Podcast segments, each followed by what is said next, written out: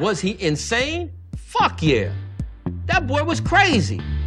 And he got a lot of people hurt.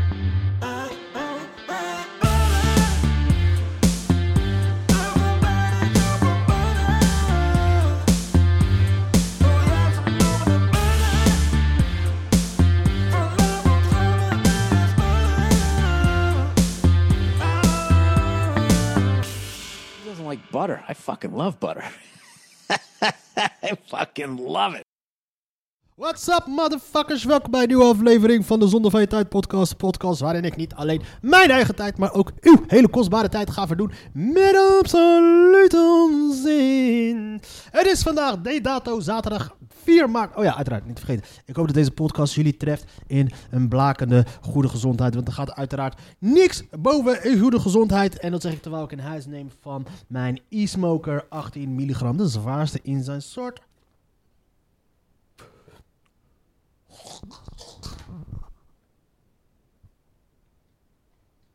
Ik wil een beetje vloeistof in mijn bek.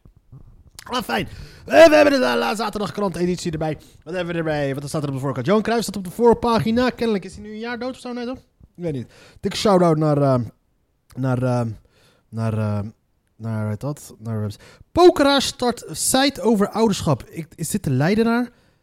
Als dit de leidenaar is, dan weet ik denk ik... De, ja, dan moet ik deze pokeraar wel kennen. Even kijken, what the fuck. Oké, gaan we erheen. We gaan naar de regio want ik wil gelijk weten waar de fuck het over gaat. Is het... Ernst? Zou het Ernst Hermans zijn? Niet Ernst Hermans, heet hij weer? Heet hij die Ernst Hermans? Uh...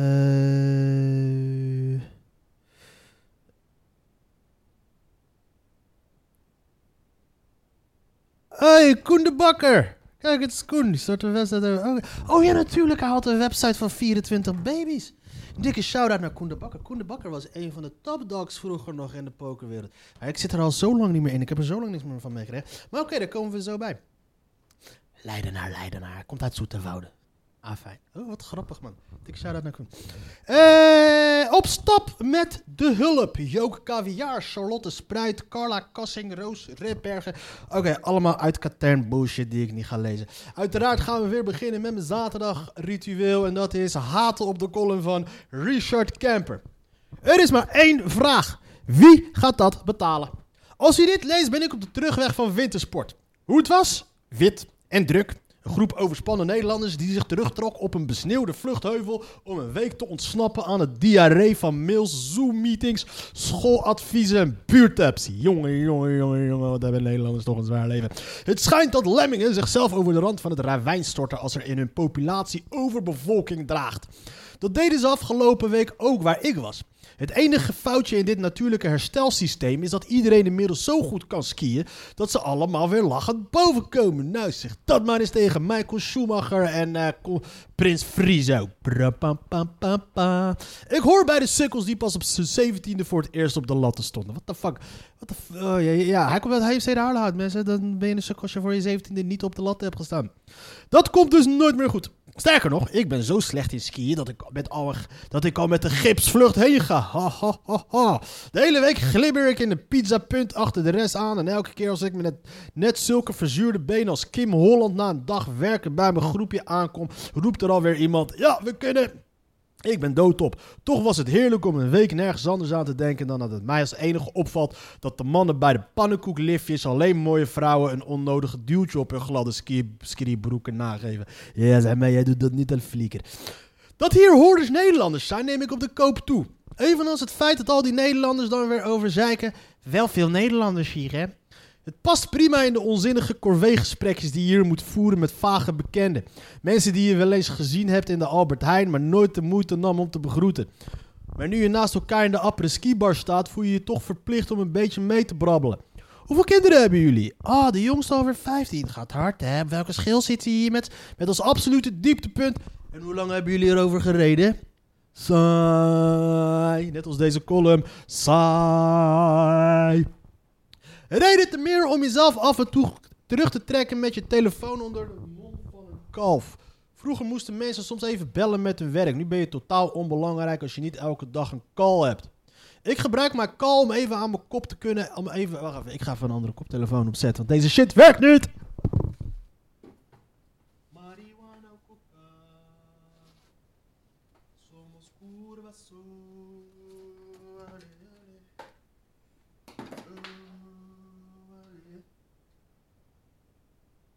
Marihuana, coca. Ah, wat ik ook kan, dit. En nu? En wat hoor je nu? Wat hoor je nu? Wat hoor ik nu? Wat hoor ik nu? Wat hoor ik nu? Wat hoor ik nu? Ik hoor hier iets, komt iets uit. Marihuana coca. Somos curvas sod. Ja, ik had het erbij moeten vermelden dat jullie in de tussentijd wat voor jezelf hadden moeten doen. Maar oké. Eh, ja, daar zijn we. Reden meer om jezelf af en toe te terugtrekken met je telefoon onder het mom van een kal. Vroeger eh, moesten mensen soms even bellen naar hun werk. Oké, nu moet ik deze weer een klein beetje harder zetten. Ja, dit, eh, de techniek is zoals gewoonlijk weer fucked op bij de Zonde van je Tijd podcast. Totaal niet over nagedacht, alles erop en Wat ik hoor de laatste tijd, en is een beetje fucked op en irritant. Is dus dat ik de laatste tijd... Het, er komt dus geluid uit mijn computer. En dan denk je van, ah, oké, er komt geluid uit je computer. Dat is toch de bedoeling? Niet als je aan het opnemen bent. Groningen domineerde de week. Volgde in de parlementaire enquêtecommissie een blanco check. Ja, dat zie je, snap je? Uiteindelijk gaat deze Richard Kemper gaat dan altijd ergens naar serieus toe. En dan probeert hij daar een soort van persoonlijke draai aan te geven. Door dan te vertellen over wat hij heeft gedaan, bla bla. Wat hij ervan vindt, wat hij daarvan gevoel heeft. En dan gaat hij pas over naar de, naar de, dat, naar de, naar de actualiteit en dat soort dingen. Om daarover een beetje een soort van zijn mening over te geven. Maar dat doet hij dan. Maar dat is een beetje die, die, die, die, die eh, konings, die, die cabaret eh, manier van comedy maken. Of wat zij noemen comedy. Bovenop de blanco checks voor slachtoffers van de toeslagen. Ik ga nog ineens meer lezen. Fuck jou, gozer. Ik ben helemaal van mijn apropos naar deze shit. Jaren vertraging dreigen bij verbouwingen Binnenhof. De verbouwingen van het historische Binnenhof in Den Haag draait jaren vertraging op te lopen. Door gedoe met stikstofvergunningen en intern gerobben bij Rijksvastgoedbedrijf zullen ook de kosten van het miljoenenproject flink stijgen. En drie man raden wie daarvan gaat profiteren. Natuurlijk de vriendjes van die motherfuckers die het mogen doen. En die zijn niet zomaar aan deze kleur- klusjes gekomen. Deze hebben ze gekregen via, via, via, via, via. Motherfuckers die ze hebben leren kennen achter de coulisses, et cetera. Duurt langer, oh, niet uit, joh. Fuck een paar miljoen erbij. Dat is de wereld waarin we leven nu op dit moment. De rijken worden rijker en de armen worden stommer. En ik ben, denk ik, stommer word ik sowieso. Net als deze podcast op dit moment. Slaat absoluut nergens op. Nergens op. Nergens op. Arts, geen hulp, bejaard. Stel is mensonterend. Slapen, zitten en behoefte doen. Cita 90 doet het al maanden vanaf een tweezitsbankje. Ja, fuck it, motherfuckers. Ja, dat is eh, de overheid een scheid aan jou. OM eist twee jaar cel tegen Promes voor het steken van zijn niffel. In de strafzaak tegen Quincy Promes heeft het Openbaar Ministerie vrijdag een celstraf van twee jaar geëist. De 31-jarige profvoetballer zou in de, nacht van 24 op 25 juli 2020 op een feest in Apkoude zijn niffel in zijn knie hebben gejoekt. In het Openbaar Ministerie acht zware mishandeling bewezen. Bij het juke-incident liep het slachtoffer ernstige violetsels op. Op. De niffel, de niffel werd geraakt in de belangrijke pisie, waardoor hij zijn linker binnie lange tijd niet meer kan gebruiken. Hij moest lang revalidatie zetten. Hij kan niet meer urken of een rennetje zetten. Ook leidt hij aan een posttraumatische stressstoornis. Uh, dat is iets waar we in Suriname nog geen woord voor hebben. En waarschijnlijk ook nooit gaan krijgen. Wat fuck is dat? Samen met die posttraumatische stressstoornis. Hoe, bedoel je met posttraumatische stressstoornis, Jezus? Wat bedoel je stress? Heb je stress? Heb je post? Krijg je post? Trauma, posttrauma. Wat is posttrauma? Wat heb je, heb je de post niet gekregen of zo? Jezus, stressstoornis. Stressstoornis. Wist je dat je stressstoornis gewoon met drie S'en schrijft? Dan krijg je dat daarom. Daarom alleen dan gaan we dat, dat woord moeten krijgen in Suriname met de uitspreken van het woord stressstoornis. Jezus. Promes woont zijn strafzaak in de rechtbank in Amsterdam niet bij wegens contractuele verplichtingen voor de Russische club Spartak Moskou. Promes vreest te worden aangehouden als hij naar Nederland komt, omdat het Openbaar Ministerie hem in een andere zaak wil horen. Ja, dames en heren, want, want, want Quincy, Quincy zit ook in de cocaïne. Nam de zon. Op kant Quincy Promes helemaal kierwiet. Aan de steekpartij op de verjaardag van Quincy. Zijn broer ging een ruzie en een vechtpartij. Vooraf het motief zou zijn dat de Nivo in 2006 een kettingje ter waarde van 3000 euro zou hebben gestolen van de tante van Promes. Wat de fuck is er met die aan de hand met die familie? Ze zijn allemaal kierenwiet. Licht luchtvaartbranche start, start kort geding Schiphol op Krim. De luchtvaartbranche is niet zo blij dat ze niet, eh, dat ze niet eh, alles meer mogen doen en zo. Geweld mag als je daarmee geweld stopt. Joke Caviar blij met A12 blokkade. Geweld mag als je daarmee geweld stopt. Die linkse motherfuckers worden crazy met de dag. Ja, dit zijn, voor iedereen die verbaasd zijn dat die linkse motherfuckers zo crazy kunnen zijn. Yo, dit is gewoon het, dit is de, dit is de stal waar Volkert van de Graaf en zo vandaan kwam. In alle vroegte werd ze van haar bed gelicht vanwege haar oproep de A12 te blokkeren. Hoort erbij, zegt de fanatieke Zaanse activist Joke Caviar. Bij, bij elkaar opgeteld heeft ze ruim zes maanden in de gevangenis gezeten vanwege protectacties voor een beter klimaat, dierenrecht of betere behandeling van immigranten. Een activist zegt geweld te schuwen, meestal dan.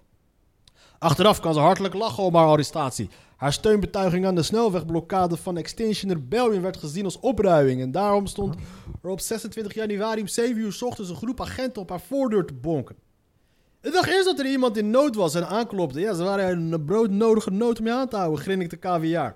Maar toen ik hoorde dat de politie was, begreep ik, foute boel, snel aankleden. Er werden acht activisten opgepakt vanwege een oproep om de A12 te bezetten. Na een paar uur op het bureau kregen ze een gebiedsverbod opgelegd. Bij KVR is dat verbod inmiddels ingetrokken. Onder de indruk is ze niet van het machtsvertoon van de overheid. Die bitch is crazy, hoe ziet ze eruit? Ik. Joke Caviar, oké, dit is zo'n training. Ze heeft gewoon een snor. Waarschijnlijk heeft ze dus ook geen. eh, heeft ze waarschijnlijk ook geen. eh, geen geslacht, denk ik. Want ik denk dat ze zich identificeert als activist. Dat is dus fucking hilarisch ook. Maar ja, weet je wat wel zo is? Je hebt deze gekken wel nodig om, om, om ergens aandacht voor op te vragen, weet je? Want bijvoorbeeld, ik zie haar nu, nu heeft ze dan een foto dat ze aan het protesteren is tegen Tata Steel. Maar Tata Steel is gewoon letterlijk, motherfuckers, het is... Voor de mensen die in de buurt wonen van Tata Steel, het is alsof je gewoon letterlijk elke dag een doos zware Havana sigaren loopt te roken. Want het zwarte stof wat daar allemaal neerkomt, is gewoon te abnormaal voor woorden. En ze komen daarmee gewoon natuurlijk weg, omdat ze sterke machtig zijn. Want dat zijn de oude hoogovens en shit. En ze brengen zogenaamd werk en shit naar, naar Nederland en dat soort dingen. Dus dan mogen die echt alles gaan lopen doen. Dus je hebt wel die lijpo's aan de zijkanten nodig om er echt voor te zorgen dat er ergens aandacht voor gevraagd wordt. Net als dat je die lijpo's aan de rechterkant gaat hebben voor om die, die ergens anders dan allemaal aandacht voor lopen te vragen. En dan gaan we nu naar een favoriet onderwerp van mij. Erdogan. Erdogan ziet kansen na uiteenvallen oppositie. De Turkse president Erdogan reikt verkiezingswinst nu de coalitie van zes oppositiepartijen die samen voor de komende verkiezingen tegen Erdogan willen strijden plotseling uiteen is gevallen. De partijen zijn het niet met elkaar eens over de presidentskandidaat die het tegen Erdogan moet opnemen. President- en parlementsverkiezingen zijn gepland op zondag 14 mei dit jaar. Dachten jullie echt dat jullie Erdogan zouden gaan verslaan? Meral Akşener, de charismatische leidster van de II-partij, die oneens is het oneens met de kandidatuur van Kemal Kılıçdaroğlu. Deze wordt door alle andere oppositiepartijen gesteund. Kılıçdaroğlu is al 13 jaar lang de partijvoorzitter van de veruit de grootste oppositiepartij, de seculiere sociaal-democratische CHP. Hij heeft al die tijd verkiezingen tegen de islamitische AKP van Erdogan verloren, maar wist binnen zijn partij nog altijd aan de macht te blijven. Hij vormde met vijf andere oppositiepartijen een coalitie, de Tafel van Zes genoemd. Na de CHP is de II-partij van de Akşener met zo'n 15% van de stemmen de grootste oppositiepartij. De andere oppositiepartijen zijn veel kleiner. Akşener zei dat zij de jonge burgemeester van Istanbul, Ekrem İma Imamoglu, of de burgemeester van Ankara, Mansur Yavaş, als presidentskandidaat had voorgesteld. Volgens peilingen zouden ze meer kans maken dan Kılıçdaroğlu om Erdogan te verslaan. Ankara en Istanbul, twee van de... Maar, ja, wat, zijn nog twee, wat zijn de grootste steden van Istanbul? Eh Izmir, Ankara, dat zijn grootste steden. Maar daar zie je dus dat. De, de, daar zit kennelijk dus de, de, dat, de achterban van deze zes partijen. Beide burgemeesters zijn dat dus Kılıçdaroğlu van de CHP. Maar als een van hen president zou worden, zou de CHP een belangrijke burgemeester verliezen en wijst de AKP in Istanbul of Ankara een eigen burgemeester aan. Kılıçdaroğlu zei dat de burgemeester in die steden niet wil verliezen en dat zij daarom zelf de meest geschikte dat hij daarom zelf de meest geschikte presidentenkandidaat is. Oké. Alsof ze sowieso gaan winnen. Erdogan gaat die shit echt niet verliezen. Vla- en een dikke shout-out naar Erdogan, want ik eh, ga in september naar Turkije toe. Dus, eh, shout-out naar de Turk. Vooral in deze zware, zeer zware tijden. Vlaamse boeren zijn vrijdag massaal met de trekker naar Brussel getrokken om te protesteren tegen de stikstofplannen van de Vlaamse regering. Ja, fuck die tyfus boeren, man. Ik, ik heb al een fucking hekel aan die boeren hier in Nederland. Dan staan aan de fucking boeren daar in België.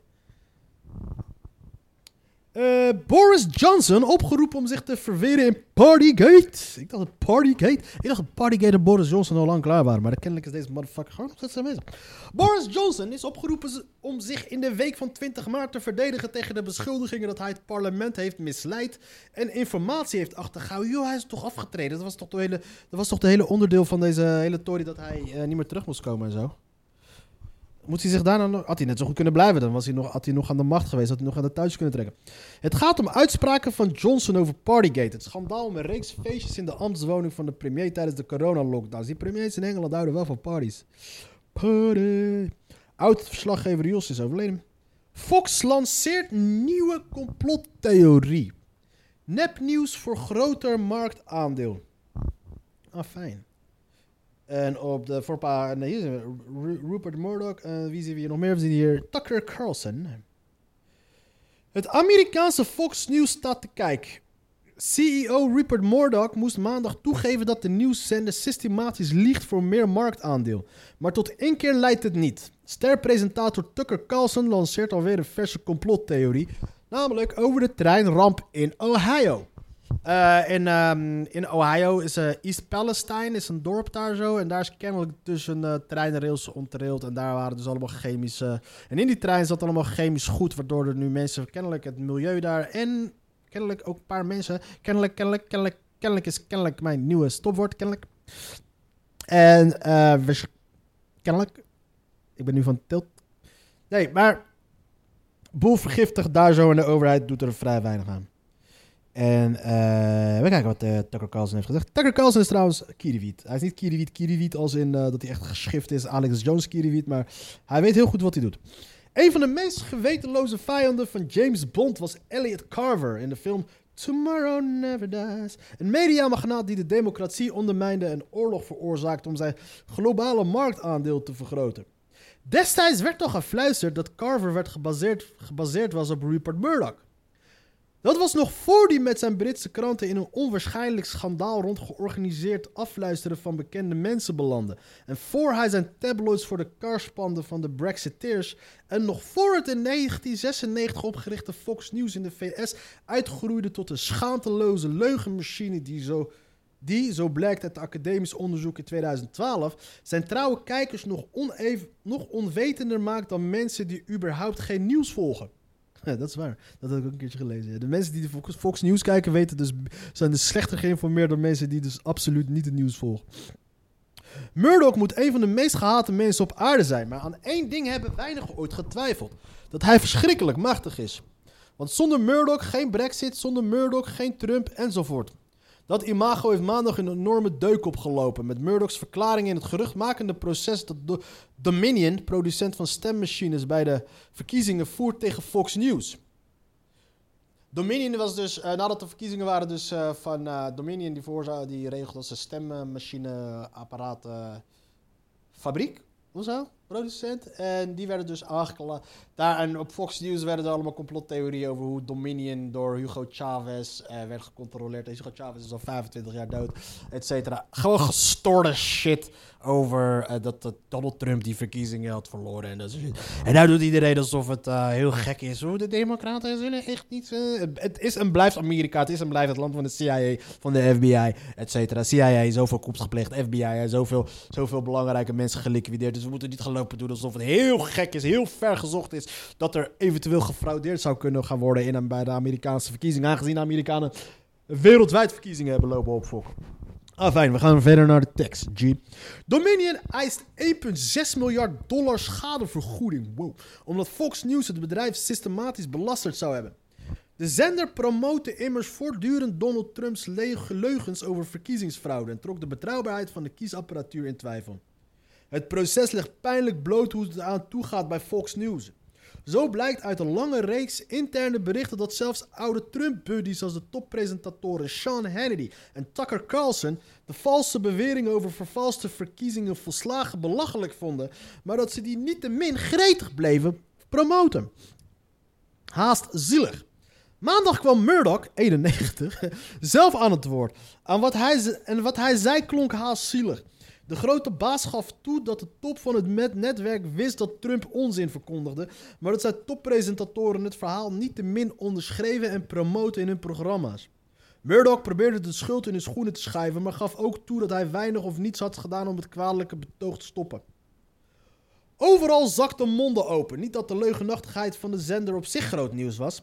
Maar dat Murdoch dat zwart op wit moest toegeven is een dubbele dreun. De kans lijkt groot dat de rechter het voor laster vereiste kwade opzet bewezen acht. En dat Fox News veroordeeld wordt. Daarnaast is de imago-schade. Wat voor imago-schade? Denk nou? Want waar al die, al die, trouwe, al die mensen die kijken naar Fox News. Die Fox News gaat het niet, gaat het niet, eh, gaat, gaat het niet eh, uitzenden dat ze die eh, shit hebben. dat ze die boetes hebben gehad. Dat ze die veroordeeld zijn. Dat gaan ze niet uitzenden. En aan de andere kant, die andere mensen kijken ook niet naar die andere zenders. En als ze daarnaar kijken, geloven ze toch niet wat ze zeggen. Dus ja, dus wat voor imago-schade gaat, er gaat helemaal niks gebeuren. Maar dat Murdoch dat eh, Fox News veroordeeld wordt, daarnaast is de imago-schade, nou ja, daar was het gebleven. Zoals de democratische senator, senator Chris Murphy zei in de Washington Post. Ik geloof niet dat het ooit... Was Washington Post ook niet voor Rupert Murdoch? Was de Washington Journal. Ik geloof niet dat het ooit eerder gebeurd is dat een groot nieuwsmedium toegeeft dat het haar kijkers of le- lezers systematisch en welbewust voorliegt. Om de schade te beperken, zwijgt Fox News in, in de eigen uitzending in alle talen over de zaak. Zie je de zaak dus al. Tot ergernis van de weinig presentatoren met nog enig beroepsethiek. Zoals hun mediaspecialist Howard Kurtz. Die zei in zijn show over de media-industrie dat hem verboden wordt erover te praten. En hoe hard hij dat betreurt. Murdoch's optreden gaf een extra argument waarom Fox News geen eerlijke journalistiek medium is. Maar een bedrijf dat winst maximaliseert door zoveel mogelijk, meestal laag opgeleide en rechtse kijkers aan zich te binden door hen alles te voeden wat ze willen horen. Afstand nemen van Trumps nonsens werd zo onmogelijk omdat dat het merk te zeer zou schaden. They created a monster. Dit is letterlijk het monster van Frankenstein. In memes en cartoons werd Murdoch deze week afgebeeld als Dr. Frankenstein. Zie je, what the fuck? Oh, fuck. En Donald Trump als het monster dat hij creëerde aan zijn macht liet ontsnappen. Dit heb, ik heb dit niet gelezen, hè, vooraf. De marionet werd baas over de poppenspeler omdat ze allebei moesten plooien voor de wensen van hun publiek. In de rechtszaak worstelde de advocaat om overeind te blijven. Ze voerden aan het nieuws van Trumps beweringen zo zwaarwichtig was dat ze het wel moesten brengen. Ook al vermoeden ze het dat het er niet meer was, niet waar was. En dat zoiets beteugelen tegen de vrije meningsuit, vrijheid van vrije meningsuiting zou zijn, sure.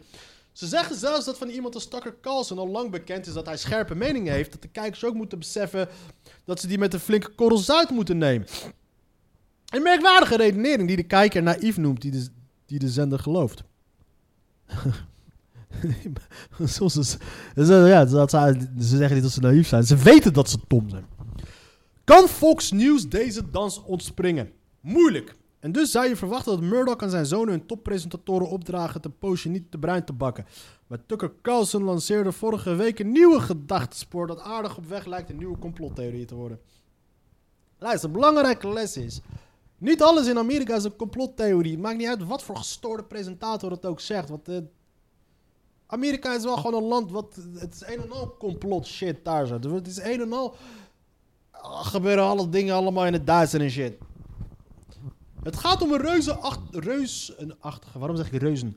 Het gaat om de reusachtige goederentrein met 50 wagons die op 3 februari ontspoorde nabij het stadje East Palestine, Palestine, Ohio. Ik zat met East Valentine in mijn hoofd en dat is namelijk een stad in eh, een dorpje in eh, Red Dead Redemption. East, East Palestine. Die trein vervoerde onder meer giftige chemicaliën. Het treinverkeer in de VS is notoir onveilig, met haast drie ontsporingen per dag. Jezus. In Ohio veroorzaakte het ongeval een zware brand met een enorme rookpluim. Het was zo'n inferno dat de, onder de vier- vier- 4.500 inwoners die na een korte evacuatie terug mochten naar hun huizen meteen angst en wantrouwen ontstond. Amerikanen, zeker in de Amerikanen, zeker in de armere blanke middenklasse, waardoor waartoe de meeste bewoners van East Palestine behoren, hebben meestal weinig vertrouwen in de federale overheid. Geloof me, niemand, eh, alsof, de, alsof de zwarte bevolking daar vertrouwen heeft in de federale overheid. Zeker niet met de democratische regering. Dit landelijke stuk van Ohio was de voorbije jaren stevig Trump-terrein. Is de ongerustheid terecht? Aan het optreden van de federale overheid zal het dit keer niet gelegen hebben. Die was snel te plaatsen en een heel leger deskundige heeft de, heeft de bevolking na allerlei tests verzekerd dat de lucht en het drinkwater veilig waren. De federale regering en die van Ohio namen ook meteen het initiatief om het treinverkeer veiliger te maken. Met meer personeel, een maximum aantal wagons, veilige remmen. Veel van het werk houdt niet meer in dat het opnieuw in gebruik nemen van controles en maatregelen die onder Barack Obama werden ingevoerd en die door Trump, die massaal dereguleerde, werden afgeschaft. Er wordt zelfs samengewerkt over partijgre- partijgrenzen heen. Zo werkt J.D. Vance, de bekende auteur die met de steun van Trump tot senator voor Ohio werd verkozen, samen met een democraat aan meer veiligheid. Maar wat is het complot? Eh, de Grand... Eh, we gaan even slaan, we een paar dingen. Volgens socioloog Philip Gorski van de Universiteit van Yale is dat een berekende politieke strategie. Even kijken hoor. Nee, wacht, waar is die shit? Eh, ja. Maar redelijkheid is zeker niet het verdienmodel van Tucker Carlson. Oh, wacht even. Redelijkheid is zeker niet het verdienmodel van Tucker Carlson. De populaire aanstoker van giftig politiek gekrakeel. Die wordt vorstelijk betaald bij Fox News, maar worden hem ook grote politieke ambities toegeschreven. Ja, volgens mij. Dus, eh, er, wordt gezinspeeld dat die president eh, gaat, gaat, dat gaat meedoen met de presidentsverkiezingen. Wordt, terwijl zijn werkgever probeert de reputatieschade in te dijken, suggereerde Carlson in zijn show dat het geen toeval was dat de trein met de chemicaliën uitgerekend in East Palestine ontspoorde. East Palestine is overwegend blank en stemt overwegend conservatief. Dat zou niet relevant mogen zijn, maar dat is het helaas wel, want het maakt dat de inwoners van die streek voor de leiders van dit land onbelangrijk zijn. De omstreden presentator zei niet dat de regering Biden de trein vol chemicaliën opzettelijk had doen ontsporen. Wel dat de slachtoffers tot een te verwaarloze categorie behoren. Zeker vergeleken met de favoriete steden van de democratische leiders. Steden zoals Detroit en Philadelphia. Dat zijn niet toevallig twee grote steden die bekend staan om hun grote Afri- Afro-Amerikaanse populatie. Carlson greep de ramp dus aan om de absurde stelling te verkondigen dat Detroit en Philadelphia door de politiek bevooroordeeld worden ten nadele van witte Amerikanen. En belachelijke shit die er maar bestaat.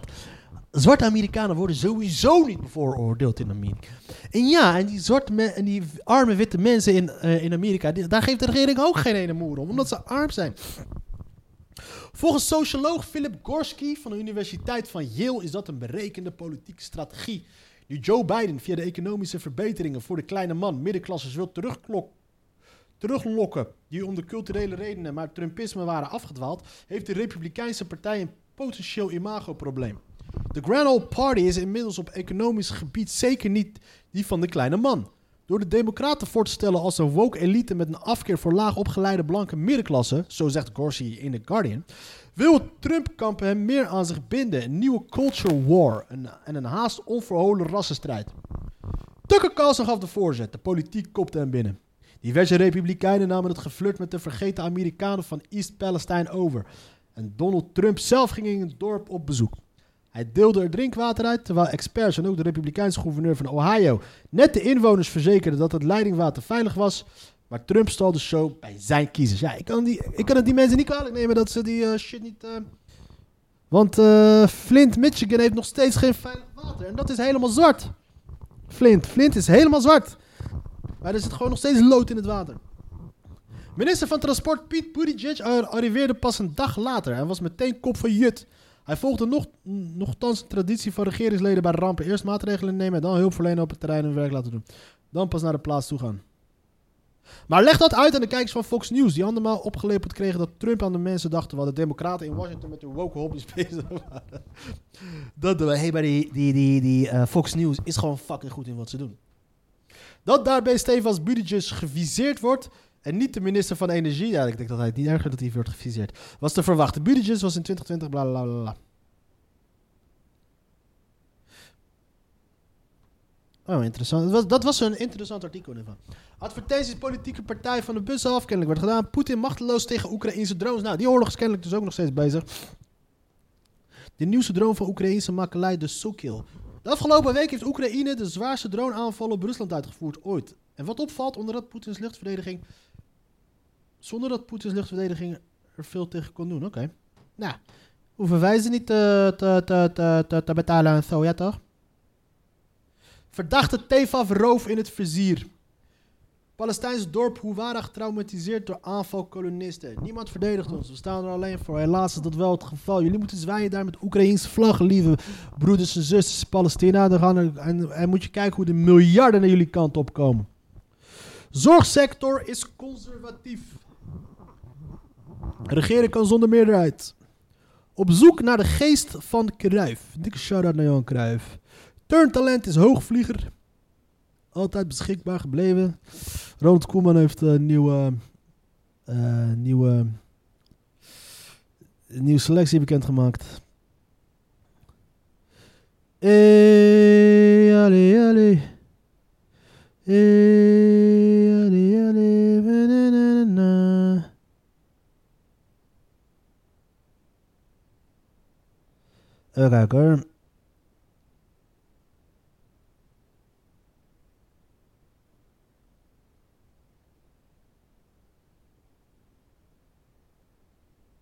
Ja, ik heb het wel genoeg gehad voor vandaag. Beat the Champion geoliede quizmachine.